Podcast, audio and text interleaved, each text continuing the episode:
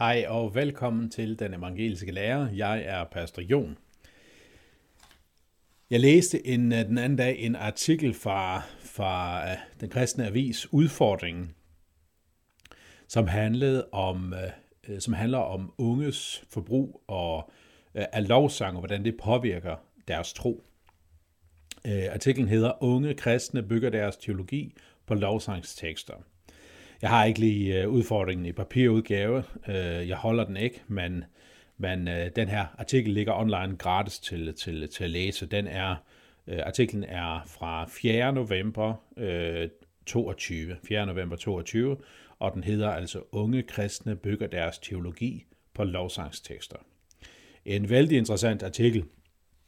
Øh, den er, øh, den er skrevet på baggrund af en, en ungdoms, tværkirkelig ungdomskonference, som, som var i Norge, i Kristiansand, øh, hvor der var sådan omkring 1000 unge, som var samlet, og der var sådan nogle seminarer. Og, øh, og noget af det, de, de, øh, som, som er blevet fokuseret på øh, øh, i forbindelse med den her konference, er, at øh, øh, øh at, at, at, øh, øh, at der er lavet noget forskning både i Norge og i Sverige omkring, omkring unge kristnes øh, brug af, af Bibelen, og hvor de får deres primære information omkring kristendommen fra meget interessant, og der er rigtig mange spændende ting i det. Jeg håber, at jeg kan få fat i nogle af de mere videnskabelige artikler, som er skrevet af de her forskere. Men, men her nu er det bare den her artikel, jeg har, har foran mig. Øhm, der står blandt andet sådan her, øh, hvor en af forskerne, øh, Roald Seifert, øh, hvor han blandt andet har, øh, øh, har sagt, at mange unge sjældent læser i Bibelen, og de oftere bygger deres teologi på lovsangstekster end på skriftord. Endvidere så, så, så står der også i artiklen, øh, at der fremgår, i, det er så fra den svenske øh, avis Dagen, øh, der står sådan her, det fremgår, at lovsang rangerer vigtigere, som vigtigere end forkyndelse og bibeltekster, når unge skal udtrykke, hvad der påvirker deres tro mest. Sangene betyder rigtig meget. Der står ikke helt præcis i teksten her, og hvad forskningen ellers øh, kommer frem til, hvad de mener med, at sangene er det, som påvirker den mest. Jeg tror, men det er så lidt et gætværk fra min side, men det er også baseret på noget erfaring. Jeg tror, at det handler om to ting. Den ene ting handler om, te- øh, om teksterne til sangen og deres indhold, og det andet, det handler om selve oplevelsen, øh, øh, følelsen, når man lovsynger, når man synger sangen til Gud. Øh, hvor jeg ved, at den her sidste del betyder rigtig meget, ikke kun for unge, men for rigtig mange af kristne mennesker i dag, at de forbinder en særlig følelsesmæssig erfaring, en varm følelse, med et særligt åndsnærvær, og derfor vægter det det rigtig højt, når det taler om, hvordan, øh, øh, hvad der påvirker deres tro mest. Men teksterne betyder selvfølgelig rigtig meget også. Også øh, øh, når, når mange sange bliver gentaget mange gange, og man synger den, de bliver kendte, så lærer man også teksten, om ikke udenad, så i hvert fald, øh, man bliver meget fortrolig med den, og selvfølgelig vil den komme til at påvirke en også, for troen kommer af det, der høres, og naturligvis også det, der høres, når vi synger det og gentager det for os, for os selv. Øhm, så sange betyder rigtig meget. Øhm, det er ikke, lovsangen er ikke det, som rangerer allerhøjest, når det handler om, hvad de unge siger, der påvirker deres tro mest. Det vigtigste, det er faktisk moren. Øh, møderne, som, som er det, der påvirker allermest øh, i forhold til øh, deres relation til, til øh, øh den kristne tro. Øhm, skal vi se, hvad der ellers var på anden pladsen. Jo, og så er det, at, at farens påvirkning ligger på tredje pladsen. Altså øverst er, er, øh, øh, er morens påvirkning. Dernæst er det lejer. Øh, jeg forestiller mig, at det handler om diverse børnelejre, ungdomslejre, bibelcampings og sådan noget. Er på anden pladsen, og så på tredje pladsen kommer faren. Men øverst oppe er altså moren, og på fjerde pladsen kommer lovsangen, og på niende pladsen er bibellæsning. Øh, og også i den sammenhæng er der diverse andre ting, som, som øh, øh, øh kirke og præst osv. Men lad os på øverste pladsen moren, dernæst øh, øh, lejer, og så, øh, så kommer Øh, faren, og så kommer lovsangen. Men altså, læg mærke til det her, hvor vigtig lovsangen er, og den står over, altså over øh, øh, Bibelen og bibellæsning, og tyder det også på øh, længere oppe end, end forkyndelse af Guds ord. Kristne bøger og lignende. Så altså, det er meget vigtigt med den her lovsang. Så er spørgsmålet naturligvis, hvad gør vi ved det? Uh, man kan selvfølgelig bare brokke sig over det unge. Ej, kan de godt tage sig sammen? Kan de ikke godt det tage og, og lytte til forkyndelse? Og der tror jeg faktisk, der er en vis point i det. De unge skal lære at gå i kirke, lære at læse Bibelen og alle de her ting. Men der er også et andet ansvar. Det er vi, der er kristne ledere og forældre til børn, møderne, som har så stor indflydelse. Hvordan påvirker vi dem? Hvad er det, vi vidner om, påvirker med, når vi skal prøve at pege dem hen på, hvor de får den bedste erfaring af, hvad Gud vil dem? Hvor er det, vi hører mest om Gud? Hvor er det, Gud på en særlig måde møder os? Så der har vi en indflydelse, også der er forældre og ledere i kristent arbejde. Øhm. I artiklen her, der, øhm, der siger Seifert, altså han her forskeren, han udfordrer lovsangerne. Seifert mener, at undersøgelserne både i Norge og Sverige indebærer, at lovsangsteksternes forfattere bør indse, hvor stort et ansvar for de kristne unge de har. Og lovsangsledere bør sørge for endnu mere kvalitet i deres tekster, siger han. Man tilføjer, at han også har det indtryk, at der er sket en vis forbedring på dette punkt det seneste år. Men altså, det er virkelig vigtigt for dem, der skriver sangene, at de er bevidste om, hvad det er, de tager frem. Jeg selv er en, der skriver sange, så, og jeg prøver at tænke meget på, hvad det er, øh, teksterne øh, formidler, og, øh, og er også bevidst om, at jeg skal tage diverse temaer op i sange, som, som måske ikke er det, som man synger mest. Går man tilbage til den helt gamle salmeskat fra, fra øh, fra kirken, så vil man også opleve mere fyldige tekster. Du vil også finde tekster, som har det der øh, præg af, at vi bare takker Gud. Vi er så taknemmelige for det, han har gjort for os. Men der er også rigtig mange sange, som er meget belærende. Samtidig med de er lovsange, så er de meget belærende i forhold til, hvad Gud gør for os, hvem Gud er, og også hvordan han møder os i forskellige øh, situationer i vores liv. Øhm, skal jeg lige finde en bibel her. I Kolossenserbrevet kapitel 3, vers 16, som man kalder for lovsangsfolkenes lille bibel, lovsangslederens lille bibel, musikernes lille bibel, der står der sådan her.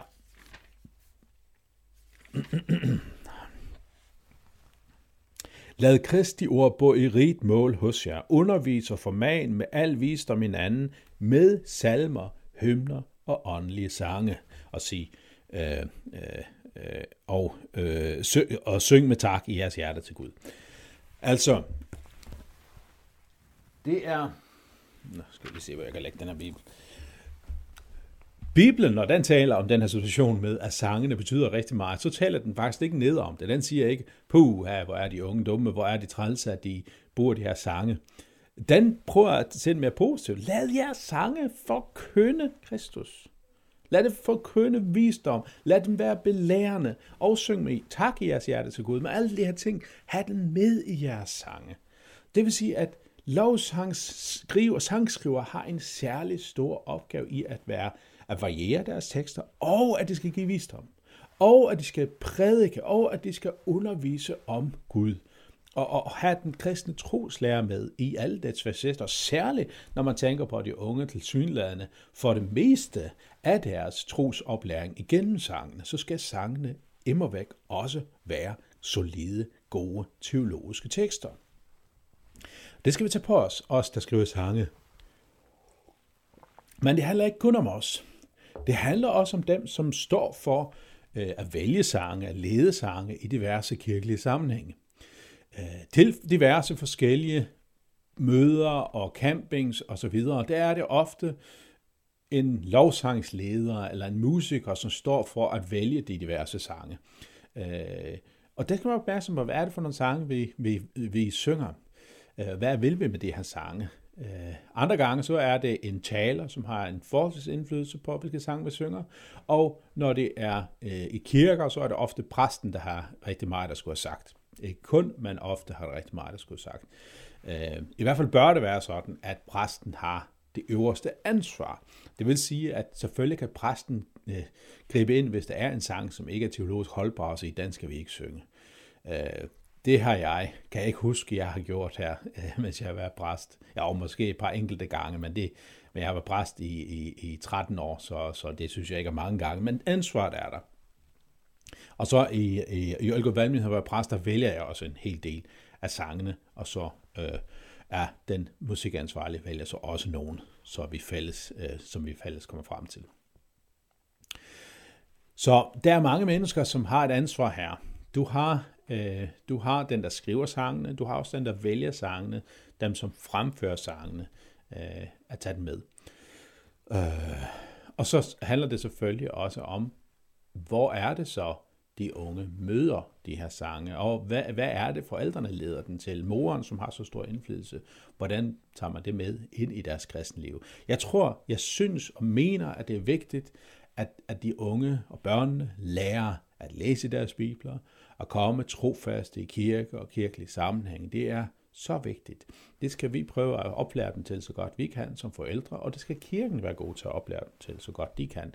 Det betyder ikke, at når de så kommer i kirke, så skal de altid have en, en følelse af, at det her er super relevant, eller det her er noget, der taler direkte ind i deres liv. Det er ikke det, jeg mener, men de skal få en fast tradition, en rytme i at komme ind under Guds ord. Det er godt, og det er vigtigt. Det betyder også, at forældre skal have en skal ture at være forholdsvis klar omkring, hvad de anbefaler. Altså, at man anbefaler, hvor vigtigt det er at gå i kirke, og også at man skal være kritisk i forhold til, hvor man går i kirke. Gå i kirke, der hvor der er en klar forkyndelse, og gå i kirke, hvor der er nogle gode, klare sange, der bliver sunget. Så vær kritisk bevidst. Det skal vi som forældre være, det skal vi som kirkelige ledere være, og det skal de unge naturligvis også, og alle vi andre, når vi skal finde sted at komme i kirke. Ja, det var lidt nogle tanker, så har jeg lyst til at øh, nævne en artikel mere, og den er skrevet af min kone, så det er ikke så ringe endda. Hun er ansat som musikkonsulent i Luthersk Mission, og hun har skrevet sådan en lille artikel, som han kalder for 10 gode råd til lovsangslederen. Øh, det er, den er, artikel er udkommet i, øh, i øh, tidsskriftet øh, budskabet, som, øh, som Luthers Mission udgiver. Jeg vil egentlig gerne gøre reklame for det, øh, for budskabet. Det er et rigtig godt øh, øh, øh, tidsskrift, hvor man dykker lidt ned i, dybere ned i nogle teologiske emner, men samtidig på en let forståelig måde. Så hermed en anbefaling til at, øh, til at prøve at, øh, at stille bekendtskab med budskabet, som Luthers Mission udgiver. Okay, nok reklame.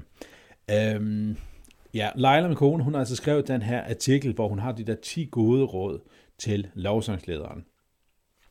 Uh, mange af rådene, de er sådan af praktisk karakter.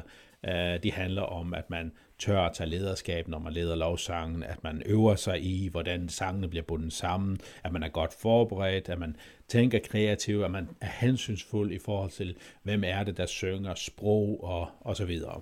Øh, der er nogle rigtig fine ting der, men jeg har lyst til bare at stanse ved de, de tre første råd, som er de mest, øh, dem, der har mest med selve indholdet at gøre, hvis man kan sige det sådan.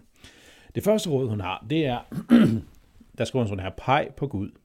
Det drejer sig ikke om dig, din musikalitet, dine fejl, eller om du er god nok formidler. Det drejer sig om Gud.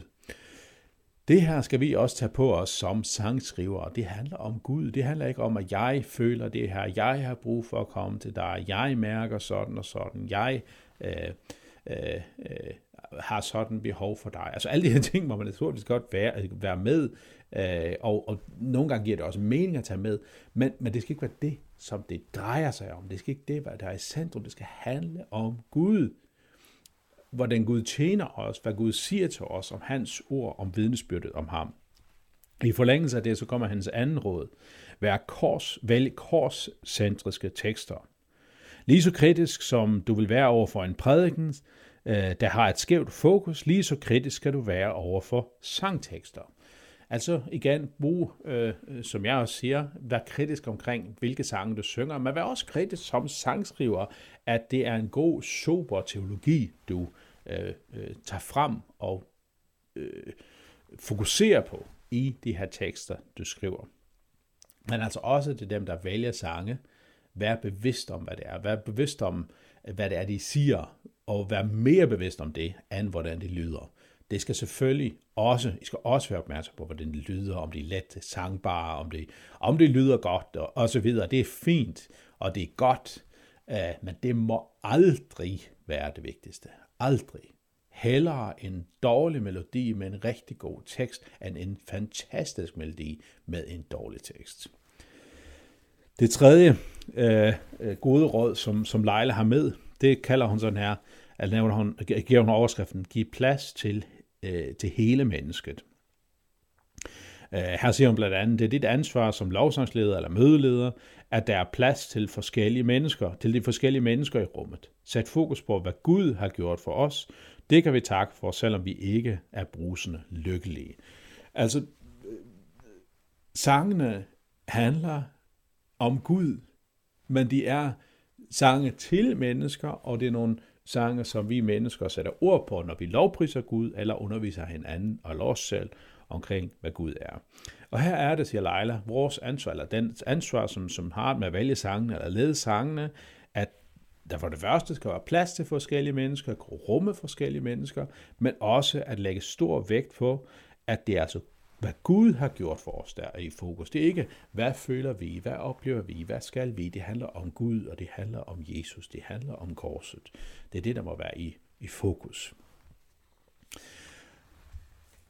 Så der er den her spændende artikel fra udfordringen, som jeg synes er meget interessant, og den forskning, der ligger bag. Og jeg synes, der er nogle alarmklokker, som bør ringe, når de unge søger deres primære, primære troslærer i øh, lovsangene, og om det er præget af sangteksterne, eller det er præget af selve oplevelsen med lovsynge, det, det melder artiklen ikke noget om. Jeg tror, der er en, en, veksel, en vekselvirkning mellem de to ting.